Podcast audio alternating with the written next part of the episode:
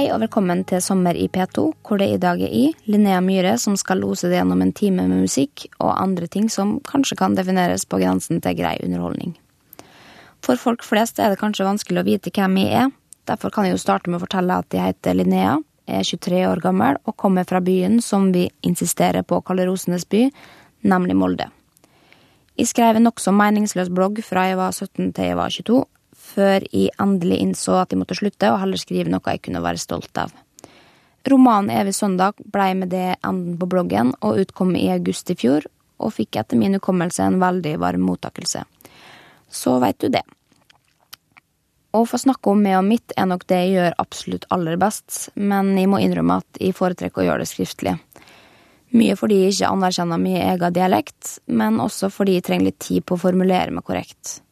Jeg tilbringer med andre ord mesteparten av dagen foran dataskjermen på internett, og det har jeg i grunnen tenkt å fortsette med, men jeg gjør et hederlig unntak i dag i sommer i P2. Uansett, i tillegg til å bruke store mengder tid på å observere, lese og mene ting på internett, er jeg som veldig mange andre interessert i musikk. Jeg vil ikke påstå at jeg kan særlig mye musikkteori. Jeg har eksempel ikke peiling på hvordan en A høres ut, og jeg har ikke snøring på hva som er rett og galt sjøl om folk kanskje trodde de visste det da jeg deltok i historiens første junior Grand Prix i 2001. Men sannheten i det tilfellet er at verken tekst eller melodi blei skrevet av meg, til tross for at det var nettopp det som var det eneste kriteriet for å kunne melde seg på. Bidraget mitt, som for øvrig var titulert Det var en gang og blei sunget sammen med to andre jenter jeg ikke kjente, endte på en lei sisteplass. Og nå, tolv år etter, kjenner jeg at jeg fortsatt sliter litt med å prate om det. Jeg har rett og slett skamma meg så enormt at det i det hele tatt har vært umulig å forsvare det, og jeg fikk meg ikke til å se på det grusomme klippet før tidlig i 2012, altså elleve år etter deltakelsen. Først da ga jeg etter for de svake sparkene som daglig dukka opp i form av linker sendt til meg i ulike kommentarfelt. Bare i tilfelle jeg hadde glemt det, antar jeg. Men til deres opplysning så kan jeg bare opplyse om at man ikke glemmer et slikt nederlag så veldig lett. Når jeg fortsatt skammer så vanvittig, så kan man jo bare forestille seg hvordan jeg tok det som elleveåring. Det var for øvrig første og siste året de praktiserte bunnrangering i Melodi Grand Prix Junior, for nå derimot, nå rangerer de bare første til femte plass, og så de fem resterende de havner på en felles sjette. Men poenget mitt etter den episoden var at jeg innså at de heller burde høre på musikk fremfor å lage en. Og det valget er jeg i grunnen veldig glad for at de tok, siden jeg på den måten slipper å anstrenge meg for å prestere og lage. I stedet kan jeg bare lytte til, føle og nyte musikk med god samvittighet. Eller aller best se det live. Sommeren er min absolutt favorittårstid, utelukkende på grunn av de utallige musikkfestivalene. Jeg kan faktisk ikke huske sist jeg reiste bort fra norsk sommer og gikk glipp av festivalsommeren.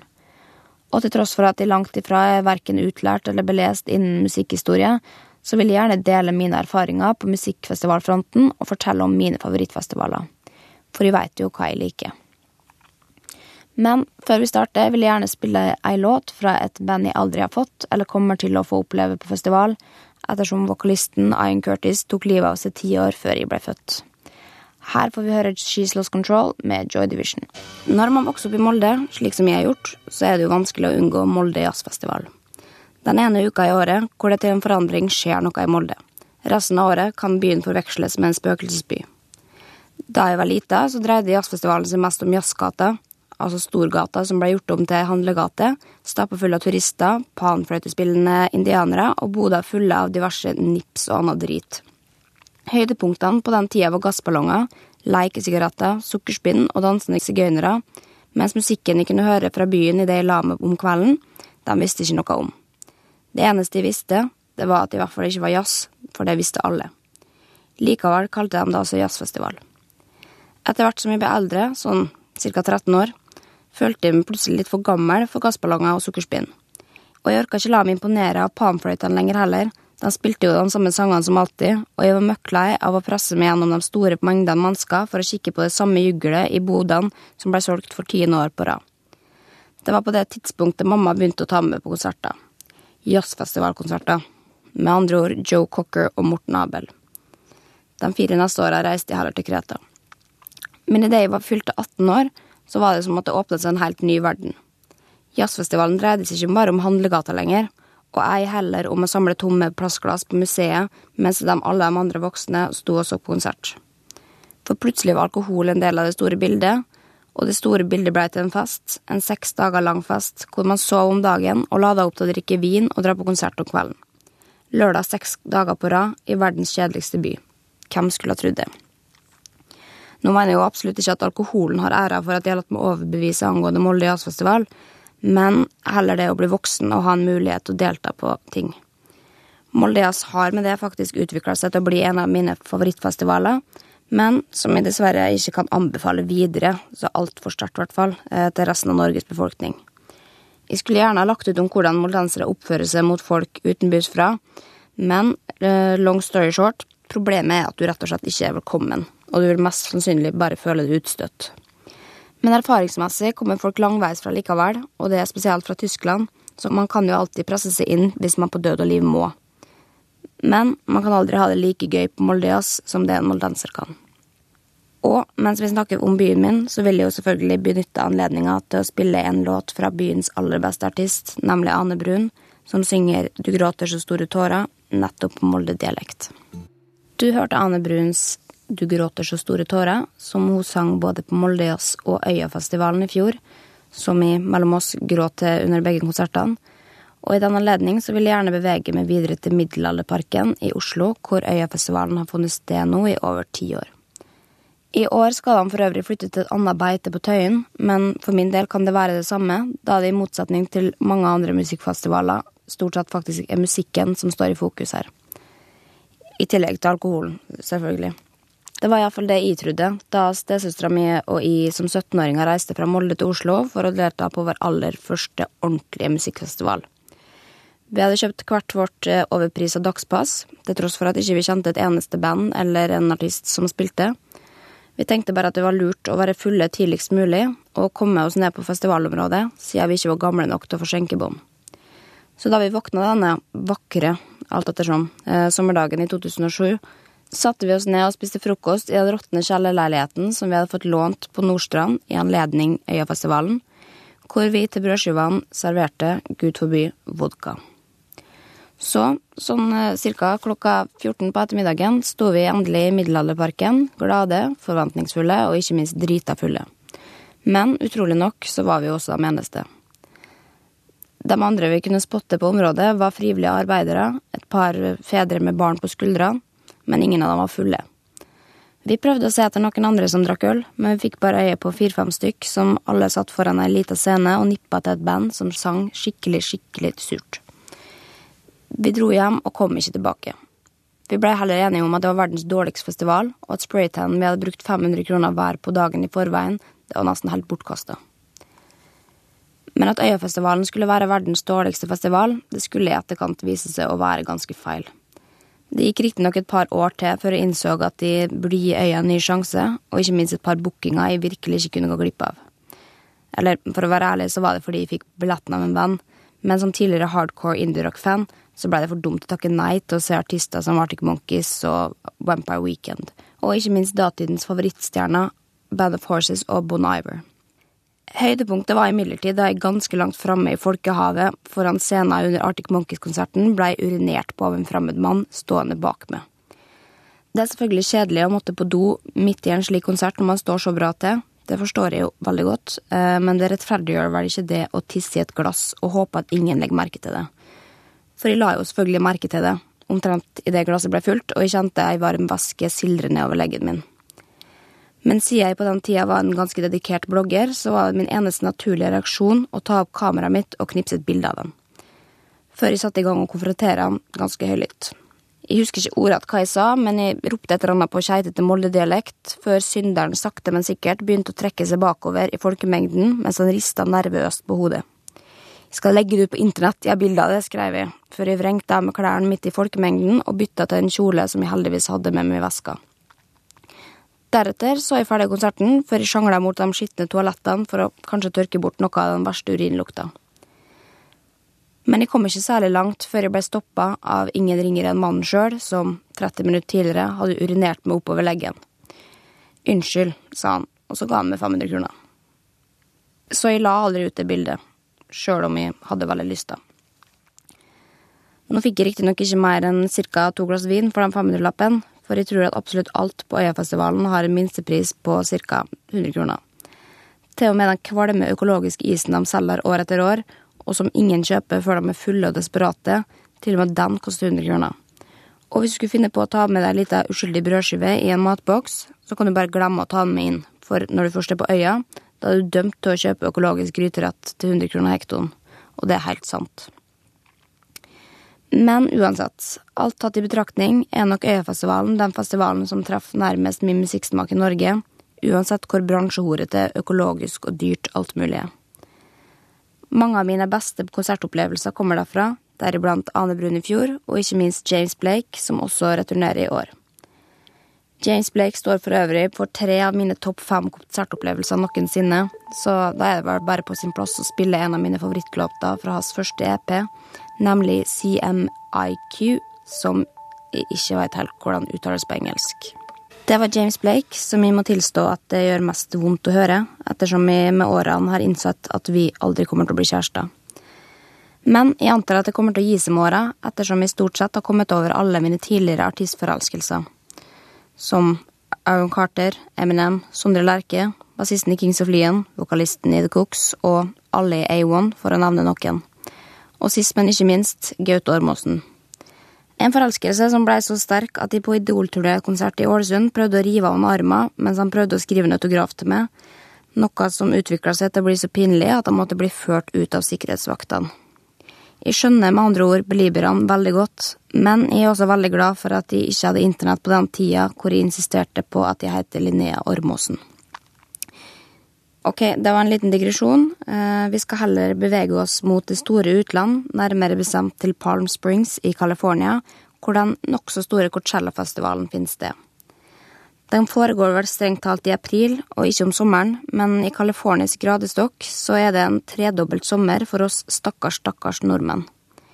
Ei venninne og jeg reiste dit i 2011, uten så veldig mye annen kunnskap enn at det var USAs The Place to Be, og at han kunne by på mer eller mindre alt av aktuelle artister fra det siste året.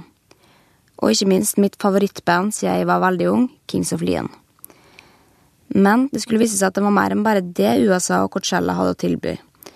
Men mer om det etter ei låt fra nettopp Kings of Lyon, nemlig Taper Song Girl fra mitt favorittalbum A-ha Shake Heartbreak. Hei, jeg heter Linnea Myhre, og du har hørt Taper Song Girl av Kings of Lyon, som i så live på Coachella for første gang i 2011, etter å, som tidligere nevnt, ha vært veldig forelska i bassisten i mange år. Men ettersom de spilte den første kvelden på festivalen, så blei det ikke helt som vi hadde tenkt. For det første fordi vi hadde leid en bil som vi kunne kjøre oss fram og tilbake til festivalen med, og at vi dermed ikke kunne nyte alkohol for å komme i rett stemning. Og det var jo for øvrig greit nok, det, for det skulle jo vise seg at amerikanerne også var fremmed for alkohol på festival, for dem hadde nemlig hasj, dem. Og hasj, det kan jeg fortelle dere at for meg som moldanser er noe jeg aldri har sett eller prøvd. Med det skjønte jeg selvfølgelig heller ikke hva den grusomme lukta var, før jeg spurte reisepartneren min, som måtte sette seg og ta en pustepause i utkanten av festivalområdet rett før konserten begynte. Hun var så slått ut av både varme og passiv hasjrøyk at jeg rett og slett ble nødt til å gå på konserten alene, og motvillig presse meg fram i mengden av hasjrøykende og uentusiastiske amerikanere som tilsynelatende hadde det fint så lenge de fikk røyke den forburte hasjen de på underlig vis hadde greid å smugle med seg inn. Og ikke nok med det heller, for jo nærmere scenen man kom, jo flere satt det på bakken. Noen lå også, de hadde rett og slett tenkt å ligge og se på konsert, helt foran ved gjerdet. Og hadde vi vært i Norge, så kan jeg love deg at de hadde blitt trampa i hjel. Og jeg skulle ønske at de hadde turt å tråkke på noen, men det gjorde jo selvfølgelig ikke. Jeg visste i det hele tatt ikke hvordan jeg skulle oppføre meg, for idet Kings of Leon antra scenen, og jeg så mine aller største helter ta plass bare titalls meter foran øynene på meg, så ville jeg jo bare skrike og grine og ta meg til ansiktet men i stedet så måtte de stå der blant sittende og liggende mennesker og klappe i deres sørgmodige tempo. Det endte med at de gikk halvveis ut i konserten, kjørte hjem, før vi dagen etter leverte tilbake bilen og kjøpte oss en dunk vin og et jævla telt. Men som utlendinger så hadde jo ikke skjønt det at å campe i telt var ut. Det viste seg med det at det var kun et lite område, 30 minutter gange fra festivalinngangen, som var satt av til telt, mens det resterende campingområdet som var omtrent 98% det var avsatt til nettopp car camping. Så satt vi der, da, i 40 grader uten annen skygge enn et telt, i utkanten av festivalen og drakk lunken vin. Mens amerikanerne gikk rundt i undertøy og røykte hasj. Men da sola så smått begynte å gå ned og det ble kjøligere, da var det endelig vår tur til å skinne. Så vi gikk den lange veien til inngangen, forbi tusenvis av campende biler og høye amerikanere som overhodet ikke så ut til å være på vei til selve festivalen. Men da var det liksom greit òg, for vi var fulle og så ut til å ha det mye mer festlig enn dem. Så da vi omsider var inne, og vi fikk sett ting som var hipt på det tidspunktet, som The Black Keys, Tame Impala, The Drums, Animal Collective og The Strokes, skulle vi bare kjøpe et lite glass vin før vi gikk videre på vår musikalske vandring. Det skulle imidlertid være vanskeligere enn som så. For å få drikke et glass alkoholholdig drikke måtte man sluses inn på et avgrensa område og skjermes for resten av publikum. Her kunne vi synde og kose oss på omtrent ti kvadratmeter, før vi kunne følges ut igjen av vaktene som slo på vaskene våre for å passe på at ikke vi tok med oss noe av djevelens vann ut på selve festivalområdet. Men det var jo helt greit for oss, nordmenn er egentlig sånn, det spiller ingen rolle hvor vi drikker, så lenge vi får drikke. Og mens amerikanerne bønnfalte oss og lurte på hva slags mystisk stoff vi hadde tatt, så rista vi bare på hodet, tømte glassene våre og lot oss sluse ut igjen fra avlukket og rett bort på konserten til Twin Shadow, hvor han spilte alle sangene han kunne, bortsett fra min personlige favoritt, nemlig Tether Beat. Enda godt jeg kan få lov å dele med dere i stedet. Du hørte Tether Beat av Twin Shadow, og til tross for at jeg trodde at nettopp det skulle bli den beste konserten på Coachella, var det en som skulle vise seg å slå alt. Og det er rimelig overlegent, nemlig Ariel Pinks Haunted Graffiti. En rimelig spesiell fyr som sammen med bandet sitt laga 2011s aller beste plate, ifølge utallige medier. For å beskrive Ariel, eh, så ser han under denne konserten ut som et slags troll, med flokete og blondt langt hår, en gjennomsiktig blondetopp og posete bukser. Og la meg presisere at Ariel er en mann. Folk sitter foran scenen, igjen, men denne gangen er jeg så frekk at jeg presser meg forbi dem og stiller meg helt fremst på det som i etterkant har vist seg å være en av mine beste konsertminner. Eller verste, alt etter hvordan man ser på det. Jeg har problemer med å se forskjell på narkotikapåvirka mennesker og naturlig sprø mennesker, så jeg kan ikke påstå noe som helst, men jeg kan i alle fall si at noe ikke var som det skulle idet Ariel kom på scenen. Først gikk han kappgang frem og tilbake på scenen mens han venta på at bandet skulle finne plassene sine. Det fortsatte han for øvrig med under de to første låtene, mens han førte sigarett på sigarett aggressivt ut og inn av munnen. Men så, idet tredje låt begynner, så bryter han inn og sier følgende, på engelsk vel å merke, min engelsk skal jeg spare dere for, men uansett, han sier følgende. «Eh, beklager, dere kommer sikkert til å hate meg, eh, men jeg bare kan ikke synge mer akkurat nå. Farvel, sier han, slipper mikrofonen i gulvet og forlater scenen. Publikum blir ikke særlig oppglødde, de bare kikker rart på hverandre og trekker på skuldrene, omtrent akkurat det samme som resten av bandet gjør. Siden jeg står helt fremst, så får jeg imidlertid med meg at Ariel slåss med en av sikkerhetsvaktene bak sceneteppet, og i neste øyeblikk så begynner noen å bue. En annen følger etter, men ikke flere enn sånn tre stykker rekker å ta seg bryet med å bue før Ariel kommer springende inn igjen på scenen plukker demonstrativt og aggressivt opp mikrofonen og legger hendene i kors. Så begynner bandet å spille igjen. Men idet man forventer å høre Ariels vokal, snur han heller ryggen mot publikum, fortsatt med hendene i kors, og slik blir han stående i fire låter til. Bandet spiller og korer som vanlig, men vokalen uteblir. Jeg klapper like høyt som resten av publikum til sammen, og storkoser meg alvorlig talt. Eh, og under de siste låtene så orka han åpenbart ikke stå lenger heller, så han satte seg heller under keyboardet med hendene i kors og en mine så misfornøyd at han ligner en seksåring som ikke får vilja si. Og slik ender konserten, mens han hviler, nesten liggende på gulvet under keyboardet, til melodien han i utgangspunktet skulle ha sunget oppå. Uten tvil en av mine beste konserter noensinne. Så da er det vel på sin plass å spille Ariel Pinks Haunted Graffiti sine låter, fra det ganske imponerende albumet Before Today, og her får du Round and Round. Samme år som jeg dro på Coachella-festivalen for å se Kings of Leon, ble de jo selvfølgelig booka til Roskilde i vårt kjære naboland Danmark også. Og siden jeg ikke fikk sett dem nok forrige gang, så tenkte jeg at det kunne være en fin anledning til å få unnagjort både det og min aller første Roskilde-festival. Og det skulle vise seg å være en ganske dårlig avgjørelse, for Roskildefestivalen er en av mine topp ti verste opplevelser noensinne. Jeg trodde ikke at det fantes noe verre enn fulle nordmenn, men det gjør det altså, eh, for fulle dansker de slår oss ned i støvlene så det holder. Alkoholen er rett og slett så billig at det ikke finnes grenser for hvor fulle man kan bli, og når nordmenn prøver å kjøre samme linje, så ender det som regel med at de reiser hjem allerede før festivalen starter. Venninna mi og jeg ankom dog ikke før dagen i forkant av festivalen, altså fire-fem dager etter alle de andre, og med hver vår 90 liters ryggsekk og sovepose spaserte vi gjennom hele festivalområdet for å komme til den andre enden hvor vi skulle bo.